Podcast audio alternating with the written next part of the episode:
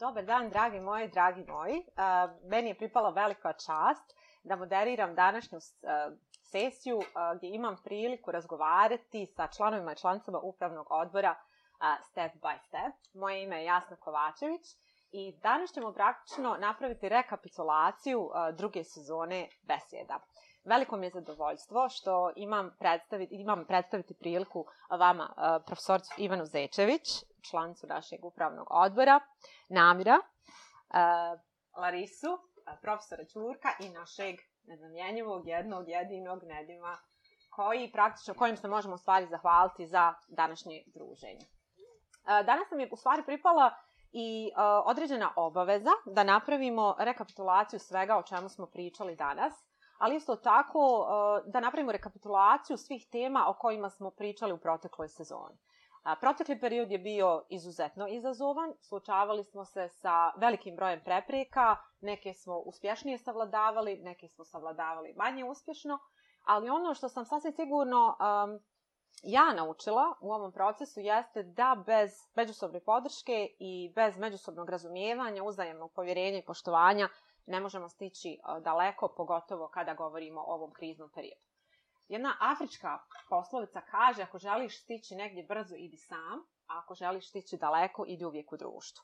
Tako da bih ja ovu besedu u stvari e, počela upravo na ovaj način, a mi ćemo svaku u stvari iz svog ugla e, razgovarati o e, ovome što smo proživjeli u protekloj godini i kako u stvari vidimo perspektive u budućnosti, odnosno pokušati danas odgovoriti, ili barem djelomično odgovoriti na pitanje je li ovo sve što nam se desilo u proteklih godinu i po uh, stvorilo neku vrstu momentuma da preispitamo e, obrazovni sistem, odnosno obrazovni sistem u Bosni i Hercegovini i da li možemo napraviti pomak e, ka nekom boljem obrazovanju. Pa evo ja ne bih e, dalje duljila sa samim uvodom, nego bih voljela najprije da postavim pitanje u stvari Lari.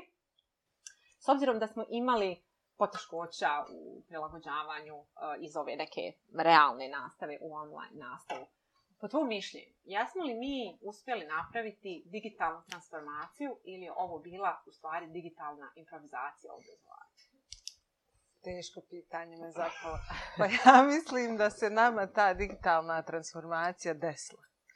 I mislim da se ona desila na način koji je možda super ispao s obzirom da, evo ja kao majka dvoje djece koja su u školi, mogu sa sigurnošću reći da moja djeca sa punim samopouzdanjem sada koriste tehnologiju koju prethodno nisu koristili za nastavu. Ako pričamo o tehnologiji. Međutim, da li smo postigli školu koja funkcionira e, u kontekstu digitalne transformacije, ja bih rekla ne još. I ono što mislim da je ključna stvar na koju trebamo obrati pažnju, a veže se i na u prethodnu besjedu, je gdje se uklapa emocionalna i socijalna inteligencija kad je u pitanju digitalna transformacija i uopšte online nastava. Jer ono što sam ja vidjela iz prakse je da možda je znanje tu, možda ga ima previše, možda premalo, e, možda su i digitalne vještine tu, opet kod nekih nastavnika više, kod nekih manje, ali ono na čemu primarno, po mom iskustvu, trebamo raditi u digitalnoj transformaciji je stavljanje fokusa na facilitiranje mm. društva, koje je u stvari škola i razred je društvo u malom, i na razvijanju upravo tog uh, socijalno-emocionalnog elementa i očuvanja mentalnog zdravlja naših e, učenika, jer džaba nam digitalna transformacija ako ne imamo to kao srž. Mhm, mhm. Odlična, u stvari, uvjetirana u ono što sam već htjela Ivanu da pitam, pošto nezaobilazna tema stvarno u proteklih godinu i pol dana je bila što je implicitno, što je eksplicitno uh, mentalno zdravlje kako učenika i učenica, tako i nastavnika, nastavnica i administrativnog osoblja u školama. Međutim, e, ja sam barem stekla takav dojam, voljela bih čuti vaše mišljenje, da se u stvari o mentalnom zdravlju, barem sa sistemske strane, nije počelo govoriti na vrijeme. Šta je u stvari, Ivana, tvoja impresija i kako u stvari su ljudi uspjeli da izađu na kraj sa ovom situacijom u kojoj smo se svi našli i šta možemo naučiti i koja iskustva možemo iskoristiti u budućnosti kad govorimo o krizama ovakvih gabarita i ovakvih posljedica. Pa, sad ono mudro, znaš, imala sam nešto na umu, pa ću ja kažem, prije nego što odgovorim na vaše pitanje, ja bih se nadovezila, ali je, ali je e, veoma, mislim, usmjerit će se ka, ka priči o mentalnom zdravlju. Uh, Um, godinu i po dana pričamo o online nastavi, o nastavi na daljinu, a uh, vrlo često se u tim pričama zanemaruje nešto što se zove kapacitet učenika da se uh, obrazuje na daljinu. Znači, koje kapacitete učenik treba da ima uh, i kognitivne, i socijalne, i emocionalne da bi se obrazovao na daljinu. Uh, neću reći pod broj 1, ali ajmo samo da imamo na umu um, da je to sposobnost samoregulacije. Uh, E, da je to sposobnost samo motivacije. Govorim samo jer nije sa nastavnikom uživo u četiri zida u nečemu što zovemo učionica, nego je, nego je udaljen. E, dalje, dobre organizacije, e, dobro, sposobnosti ono, da, da ima sposobnost da svoje vrijeme organizuje kako treba. itd. itd. Da li zato imaju kapaciteta osnovci? Nemaju. Nema, nemaju razvojno kap, sve ove kapacitete. A posebno kad uzmemo u obzir da je učenje, ali ono zaista pravo učenje, ono učenje koje podstiče razvoj, vrlo naporan proces i vrlo izazovan proces. I da se on kontinuirano mora kretati u onoj zoni, mi, mi u psihologiji znamo, zovemo je zona narednog razvoja. Znači, to je zona u kojoj dijete savladava e, znanja i vještine koje ne može da savlada samo, a može uz manju ili veću pomoć neke druge osobe kompetentnije. I sad kad to sve uzmemo uh, u obzir, onda uh, na, na bilo kom dijelu zemaljske kugle, kugle ta priča nastave na daljinu pada u vodu na tom uzrastu. Sad o srednjoj školi možemo već da govorimo da, da oni bi trebalo već da, da, da su negdje ono, prilično kapacitirani, ali s obzirom na to da su izašli iz naših osnovnih škola, nisam sigurna da su kapacitirani da se na taj način uh, motivišu da, da, da uče. Uh, E, I naravno da onda stradava mentalno zdravlje. Naravno da je onda mentalno zdravlje pod velikim upitnikom i onih ljudi koje zovemo, koji su nastavnici, koji silno žele je, i trude se. E, stradava i mentalno zdravlje oni koji ne žele i ne trude se. Zašto? Pa nerviraju ih ovi koji se trude. ovaj, ali e, e, a posebno učenika i naravno da se onda dešava anksioznost kao emocija koja se javlja u svakoj onoj situaciji u kojoj mi percipiramo da bismo željeli da imamo kontrolu a nemamo je Eh, i bojimo se šta će da bude, šta će da se desi ukoliko ja nemam kontrolu. A definitivno učenik kada je sam sa sobom u, eh, u, u situaciji kada treba da savladava određenu količinu znanja ili neke vještine, a ne ide mu, nema kontrolu. I shvata da nema kontrolu i naravno da onda anksioznost raste. E, I kad se kontinuirano nalazimo pod utjecem emocija koje mi zovemo disfunkcionalne emocije, a to su i, i frustracija, i, i anksioznost, i bijes. E, naravno da onda e, se nalazimo pod stresom, a kad smo pod stresom određen vremenski period, a nema nam ko pomoći, onda nam je mentalno zdravlje pod upitnikom.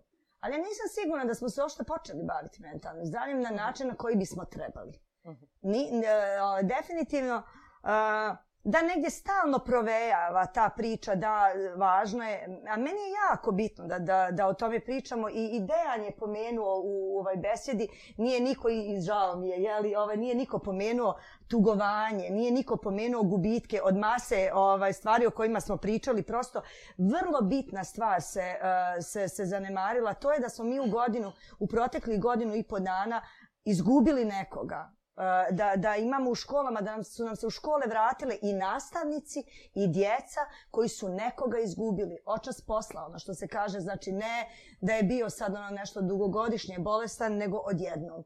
I pritom iz nekog nepoznatog razloga, jer virus je prilično nepoznat.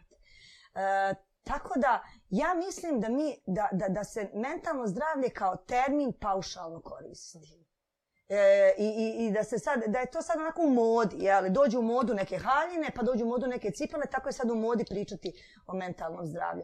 A da suštinski ne radimo e, dobru pripremu kako bismo u stvari da se vrati na besedu koju sam ja vodila, e, od septembra ovaj, ušli u školu i, i poradili, na početku poradili na nekoj stabilizaciji, na priči u redu je, stići će se, ajmo da udahnemo duboko, pa da izdahnemo, da, da, ovaj, da prosto, da naš kognitivni sistem uđe ono, negdje rasterećeniji mhm. nego što je sada. I posle, evo, završavam, referisala bi se na emu, koja kaže da ne može da vjeruje da je raspust. Pa to je fantastičan opis uh, kako jedno dijete doživljava evo ovaj sada raspust. Toliko smo ih opteretili u prošloj školskoj godini da dijete, ona je odlično pisala, to je još uvijek stanje pod stresom. Stanje uh, ljudskog organizma kada je pod stresom, kada ne može da vjeruje da je jeli, to nešto što zovemo škola prestalo i da sad treba da se opusti i, i prosto da odmah.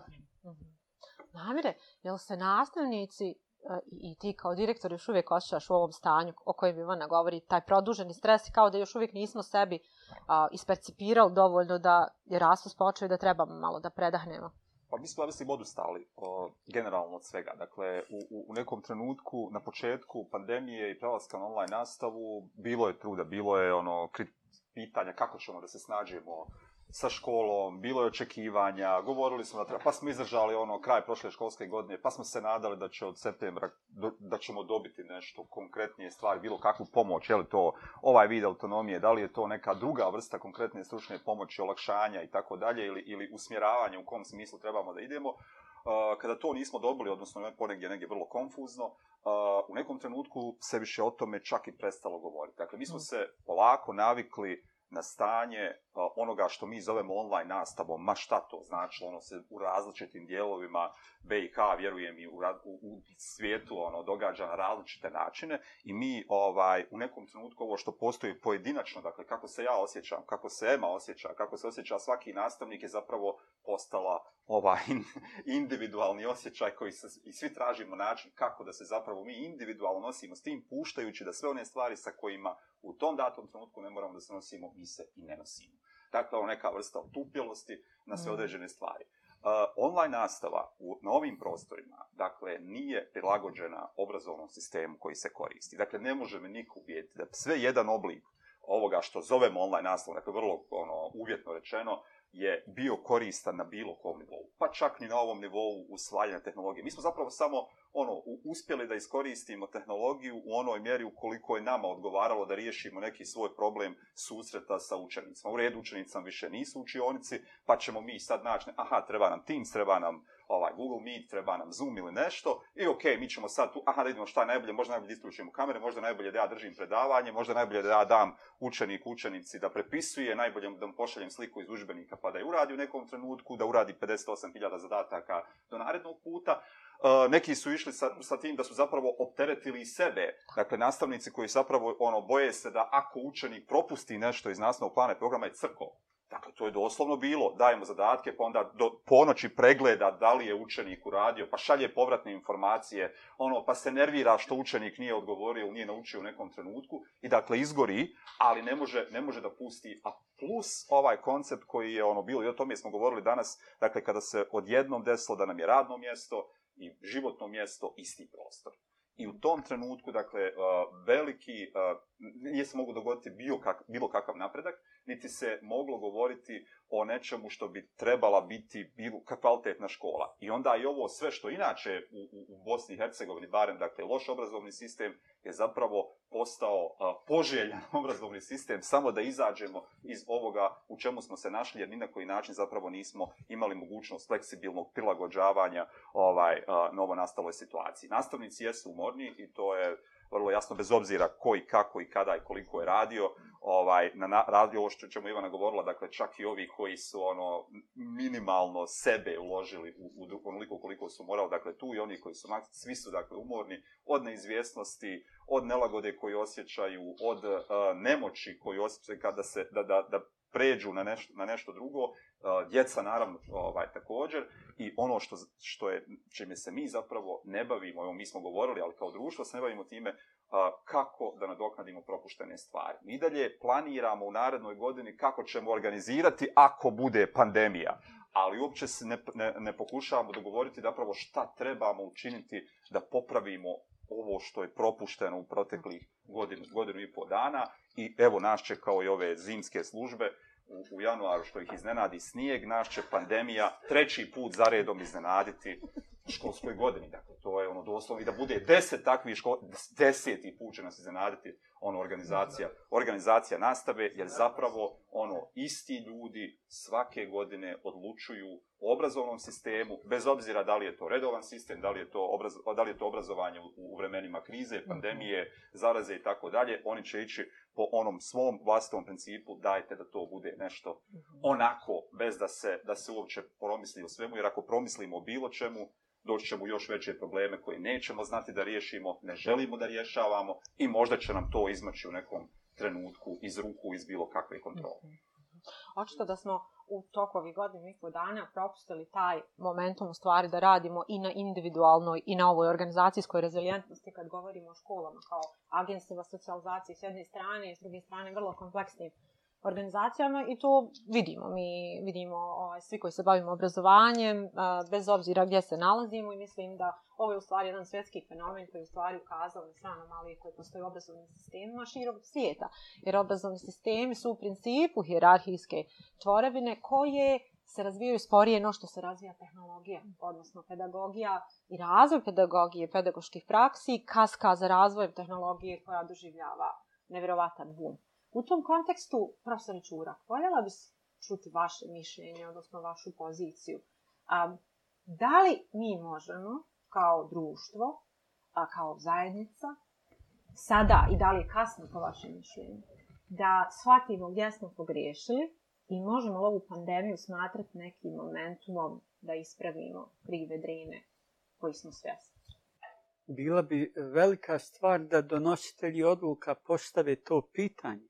Dakle, već bi to bila velika stvar, ali nisam siguran. Siguran mislim da je online nastava naprosto tretirana kao, kao jedna vanredna situacija koja se mhm. a, produžava i na koju a, nema odgovora koji bi mogao biti e, zadovoljavajući.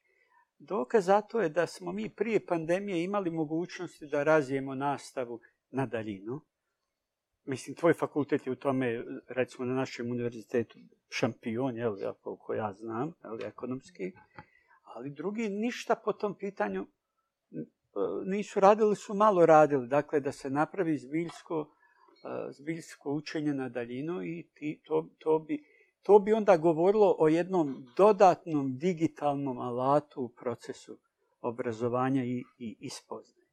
Ne, nego smo, znači, bili smo primorani, a opet ovisno od rukovodstava jel, raznih eh, visokoškolskih, srednjoškolskih, osnovškolskih eh, ustanova, ovisno od eh, donositelja odluka, da su se proizvele adekvatne platforme kako bi se jel, uopće mogla organizirati online nastava. Neki su ostali na nivou Zuma kao neke, hajmo reći, demokratske platforme demokratske agore u kojoj se može ovaj lako doći, ali se nije išlo dalje u nekom smislu jeli, razvoja svih tih digitalnih alata kao pomoću u procesu učenja i, i, i, i poučavanja. Tako da, ne znam, moj dojam je da je ova transformacija homo sapiensa u homo connectusa da nije uspjela. Da nije uspjela u smislu, dakle, da, na, da, da da alate koji nam se e, nude,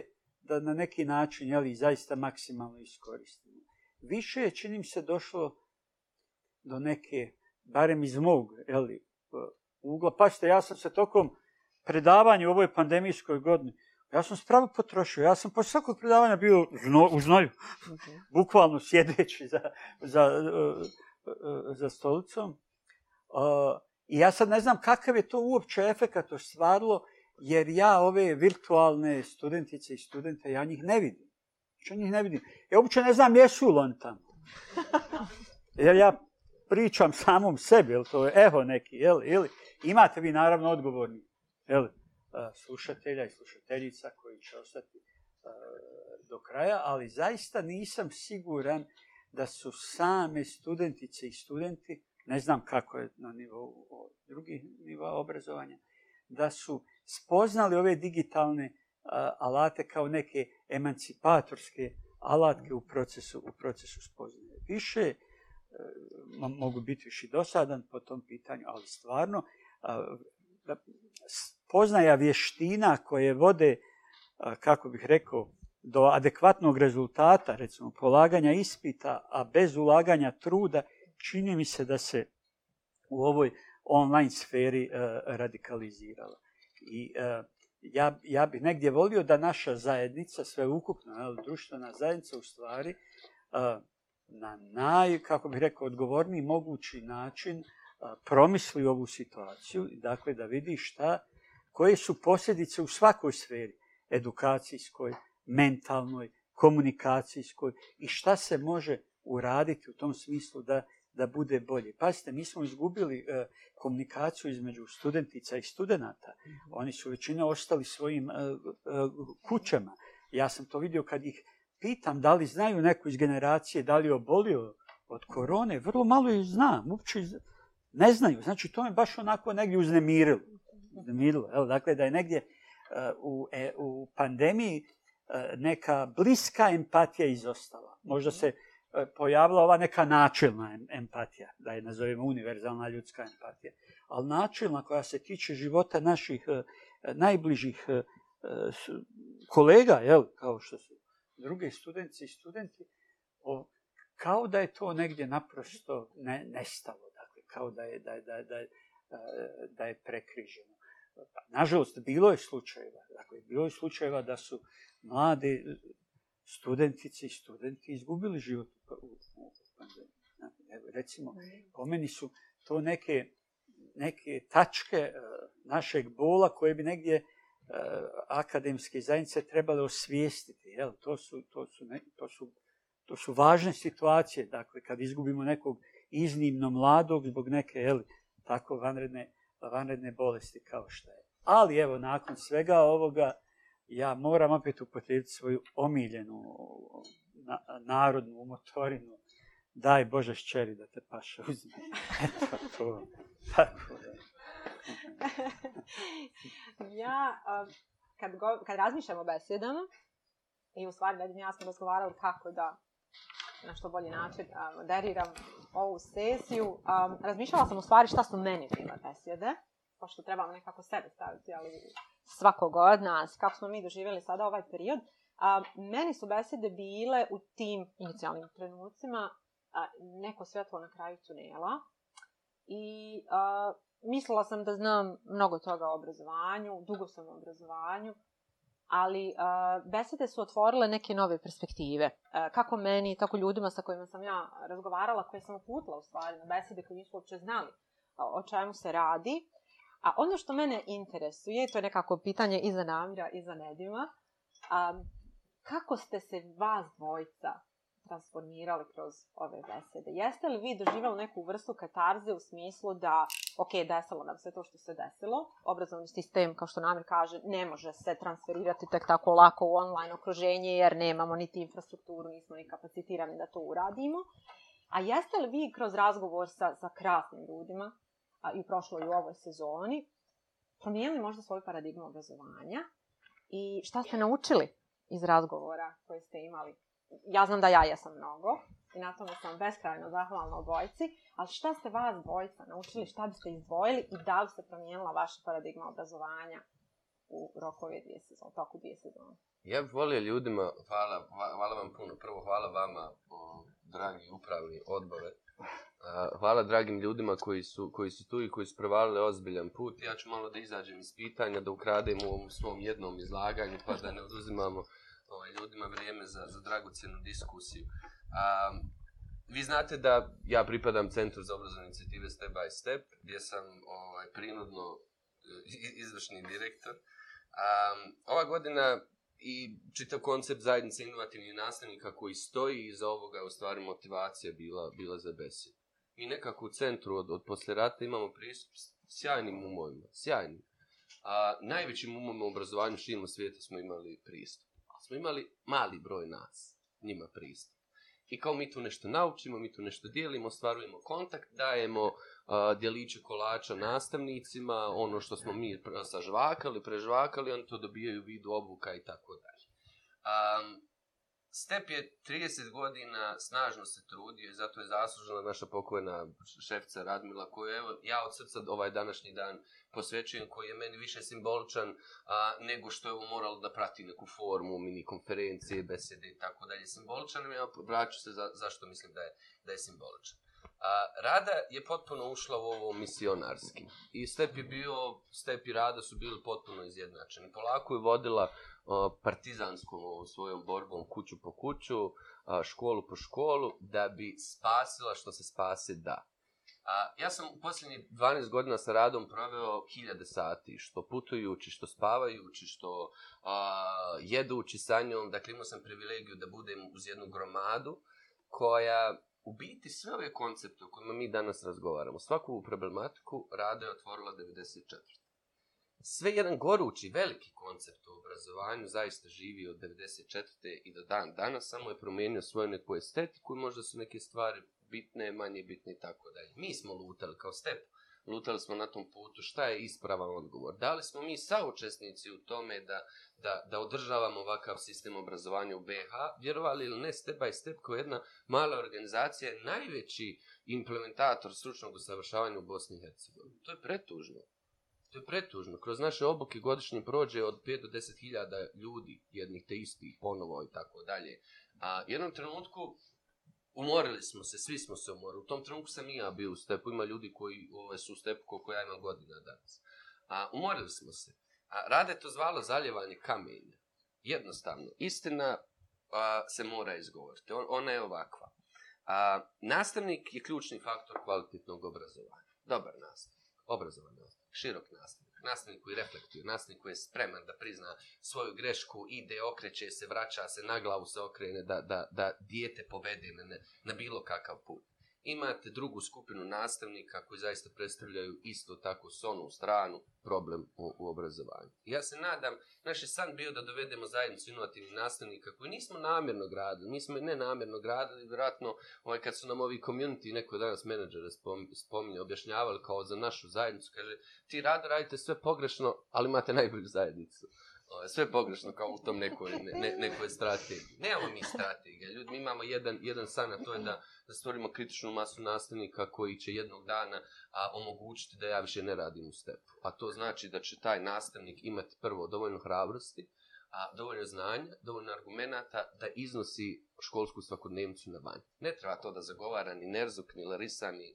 Jasna, ni Namir, ni Ivana, ni ja a, pitanje obrazovanja mora na, na koncu i na koncu ćemo se vratiti tom konceptu da nastavnik je taj koji će morati pokrenuti promjenu, jasno je artikulisati, stati iza nje i povući čitavu tu promjenu na škole. To je istina. Dakle, možemo mi sad praviti iluzije istine okolo, na kraju se mora završiti ta, to kolo na nastavnik. Naš san da zajednica inovativnih nastavnika postane, postane takvo mjesto koje, za kojim više nema potrebe za step. To je profesionalna zajednica u kojoj se uči, uči se stalno i ništa drugo samo se uči, obnavlja, reflektuje, a, ide se u razred, vraća se iz razreda. I ono što možda neki od vas ovde ne znaju, a, step nisu samo besjede, step nisu samo univerzitetski profesor, mi postojimo zbog nastavnika i nastavnica. Mi radimo a, od baznih do kompleksnih, a, program obuka za te nastavnike. Negde smo zamjena za fakultet, nažalost, i evo možda tek smo u posljednje dvije godine počeli kroz besede da otvaramo pitanje inicijalnog obrazovanja i tako dalje. Neko je danas govorio o lažima, mislim da je da je gospodin a, govorio o lažima. Puno je laži, puno, puno.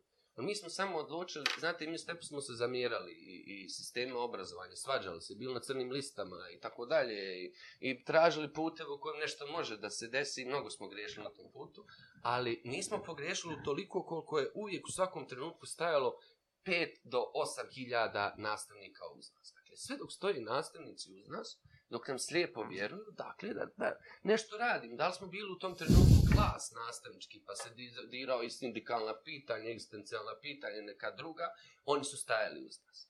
I ono što je super za tim ljudima jeste da su oni svjesni pozicije u kojoj pripadaju. To mi je jako važno. Dakle, znaju koliko im je dobra, odnosno loša praksa znaju koliko su saučesnici un, unutar ovog sisteme i jasno to osvijeste i jasno rade na to. No oni su ekskomunicirani svoji, to je jako važno da kažemo, ne mogu da pređemo da ne kažem, potpuno ekskomunicirani svoje školski zajednice. Dakle, to su neprijatelji. To su ljudi koji nemaju s kim kafu popiti, koji nemaju profesionalno porazgovarati s kim u zbornici. Dakle, to su ljudi koji ne pripadaju u školi, a teško je ne pripadati negdje da svaki dan ideš. Šta je step postao? Opet, nažalost, utočište jednom trenutku stvarno, mi od konferencije stručne od četiri dana, dva dana, potpuno, evo, nek svi donatori ovo čuju, dakle, mi dva, dva dana po, samo iskoristimo da se liječimo jedni među drugim. Ne je tu učenje, ne je tu neke sad kao projekt, mi duži, nešto. Mi se dva dana liječimo ljudi. Liječimo sebe, liječimo druge i kad pitate nekog od naših nastavnika što se u stepu zajedno, kaže, ja tu pripadam tu pobjegnem, pobjegnem iz Drvara, Prijedora, Goražda, Sarajeva, pobjegnem tu da, da nisam više alien, nisam stranac, to je neko mjesto kojem pripadam. Mi znamo da mi nismo dobro nasničku zajednicu do nekog a, nivoa u kojem ona sad to stvarno može preuzeti svoje ruke. Mi znamo o, o istinu stepu. Imamo jednu privilegiju da ljudi koji daju pare za ove stvari znaju za to. Ne potrebe da se lažemo ni u brojkama, ni u nivoima. I to, to mi je jako važno da se zahvali. E sad, da dođem do pojenta, izvinjavam se što sam potpuno preoteo. Rada nam je umrla u februaru, a posljednji moj razgovor sa njom je bio jesi li umrla za ideju ili se živjela za ideju. A, ona kaže, mislim da sam na kraju umrla. Dakle, neko ko... I, i, ja, ja volio da se i mi, i, i mi sačuvamo od toga. A, iste stvari smo pričali 20 godina i umrla je, nije, nije završila posao. Ne može ga niko od nas od, od nas završiti. No ono što je, što je sjajno posadila, i ona je, ona je nako uvijek imala i onaj patetični moment i vrlo ovaj a, logički moment i, i, i iza koje je stala.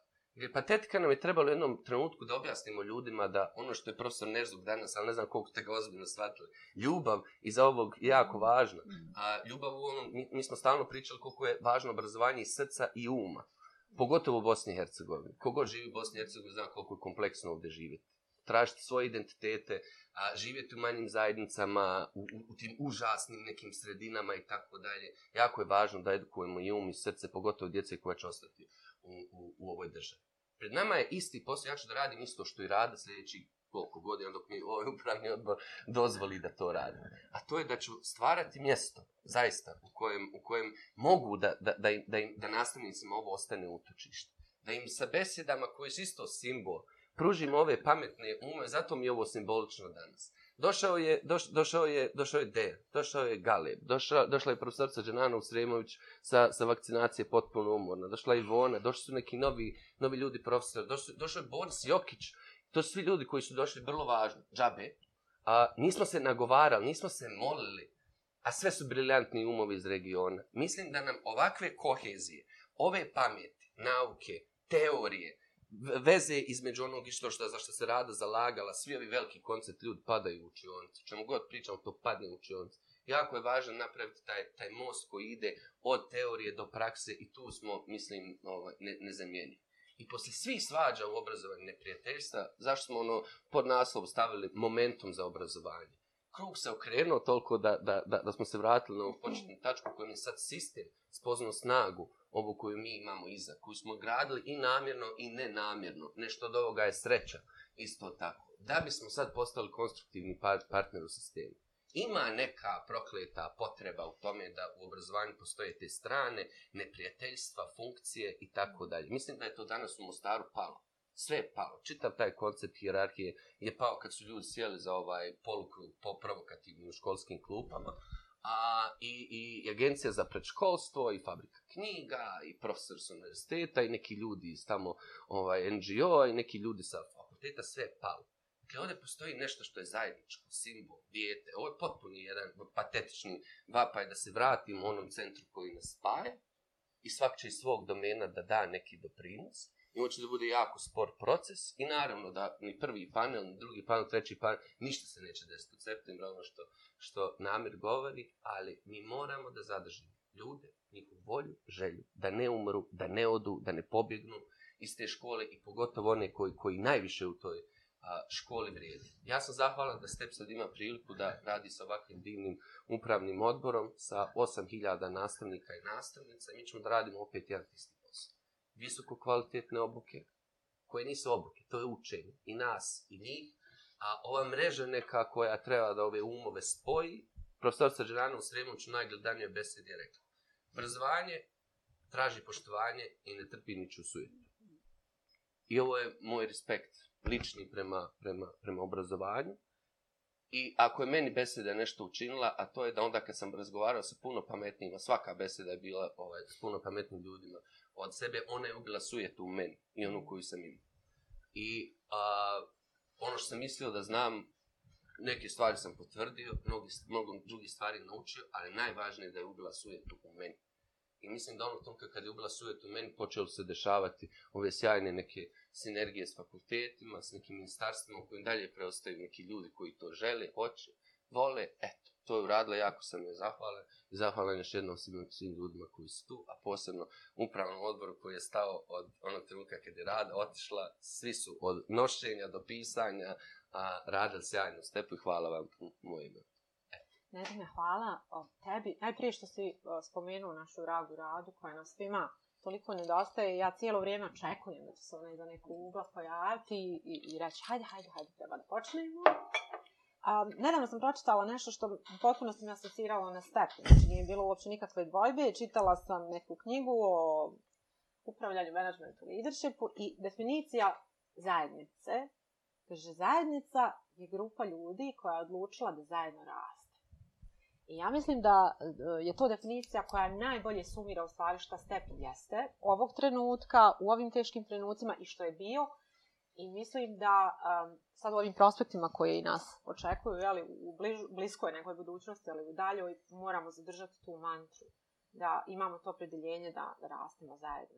Namire, a, to je viđenje besije, da. I, da. I, evo, Nedim kaže, mm -hmm. on mhm. se suočio sa svojom sujetom i, i promijenio je paradigmu. Ja sam ono pokrao mnogo ideja od ljudi koji su gostovali u besjedama, dakle, kasni.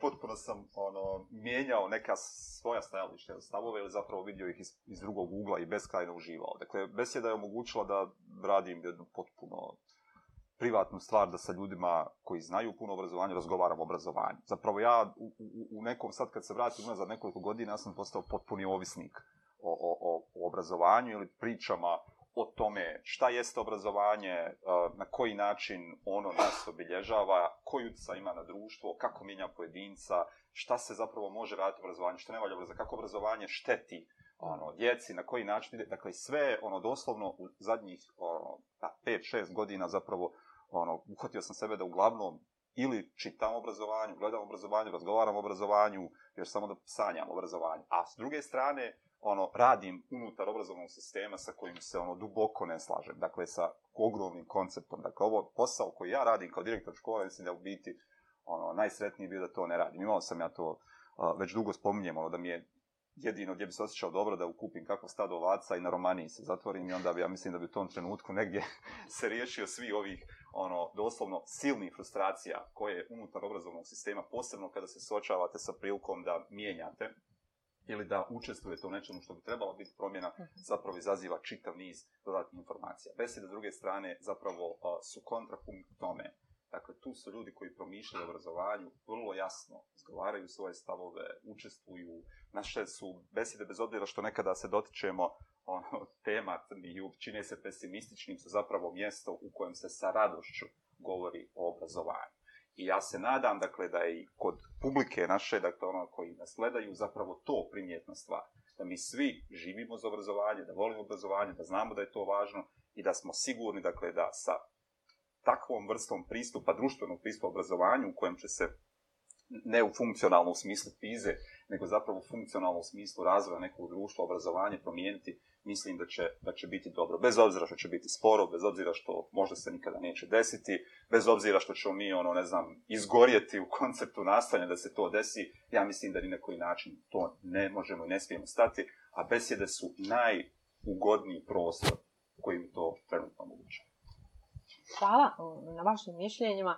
Ja, sad neko moje lično uviđenje ove situacije, svega ovoga što smo prošli, što smo zajednički prošli kroz rad u Stepu i svih vas koji ste sa nama uh, se družili a, i u ovom teškom periodu koji su dio stepove zajednice inovativnih nastavnika već duži niz godina. A, moje neko viđenje u stvari a, ove sada situacije, ovog raskriže na kojem se nalazimo je da a, ja želim da vjerujem da postoji momentum i da a, uz pomoć svih vas, a, ako zadržimo svoj entuzijazam na ovim razinama i, i, koji nas ne popušta već duži niz godina, bez obzira na sve prepreke na koje nalazimo, ja mislim da mi možemo pokrenuti tu grassroots promjenu. A, vidjeli smo da sistem slabo reagira, dakle, ka, kriza jeste prilika, ali sistem definitivno nije odreagirao a, adekvatno, s obzirom da je sistem gabaritan, s obzirom da sistem nije usklađen sa okruženjem u kojem živimo, s obzirom da su nam pedagoške prakse zastarjale i ne mogu, kao što nam kaže, instalirati se tek tako a, u, u neki novi kontekst. A, ja bih na neki način da sumiramo ovu besedu sa konstatacijom, mislim da se to provlačilo od jutros, od prve besede, uh, pa sve do ove uh, zaključne, da uh, zapravo oni sistemi, ja sam to imala priliku vidjeti kroz istraživanja koja sam radila u oblasti školskog menačmenta i leadershipa, da one škole koje su bile kohezivnije prije same pandemije, koje su imale razvijenu svojvrsnu e, zajednicu, su bile mnogo rezilijentnije i mnogo bolje su se snašle u ovim pandemijskim uvjetima. Pandemija će biti, one će prolaziti, pojavljivaće se neke nove krize ono što je lekcija za škole, za nastavnike i nastavnice, za direktori i direktorce, jeste da je zajednička odgovornost u stvari svih nas, mislim da smo to osjetili svi na svojoj koži i da smo svi odgovorni za obrazovanje, svako to na osob, a da sistem u stvari treba da to facilitira. Jer ako mi ne prihvatamo tu individualnu odgovornost, onda nećemo imati ni kritičnu masu koja će u stvari biti taj kolektiv koji staje iza svega onoga što treba da poduzmemo. Ja se želim svima zahvaliti na današnjem druženju, najprije Nedimu na pozivu, da budemo dio ovako fantastičnog druženja, jer vjerujem da smo svi poželjali i živu riječ i međusobnu interakciju. E, želim vam da ostanete hrabri i da ne posustajete u svim vašim naumima i idejama i da sanjate bolje obrazovanje, bez obzira koliko to djelovalo teško u pojedinim momentima. Hvala vam još jednom i svako dobro vam želim. Hvala.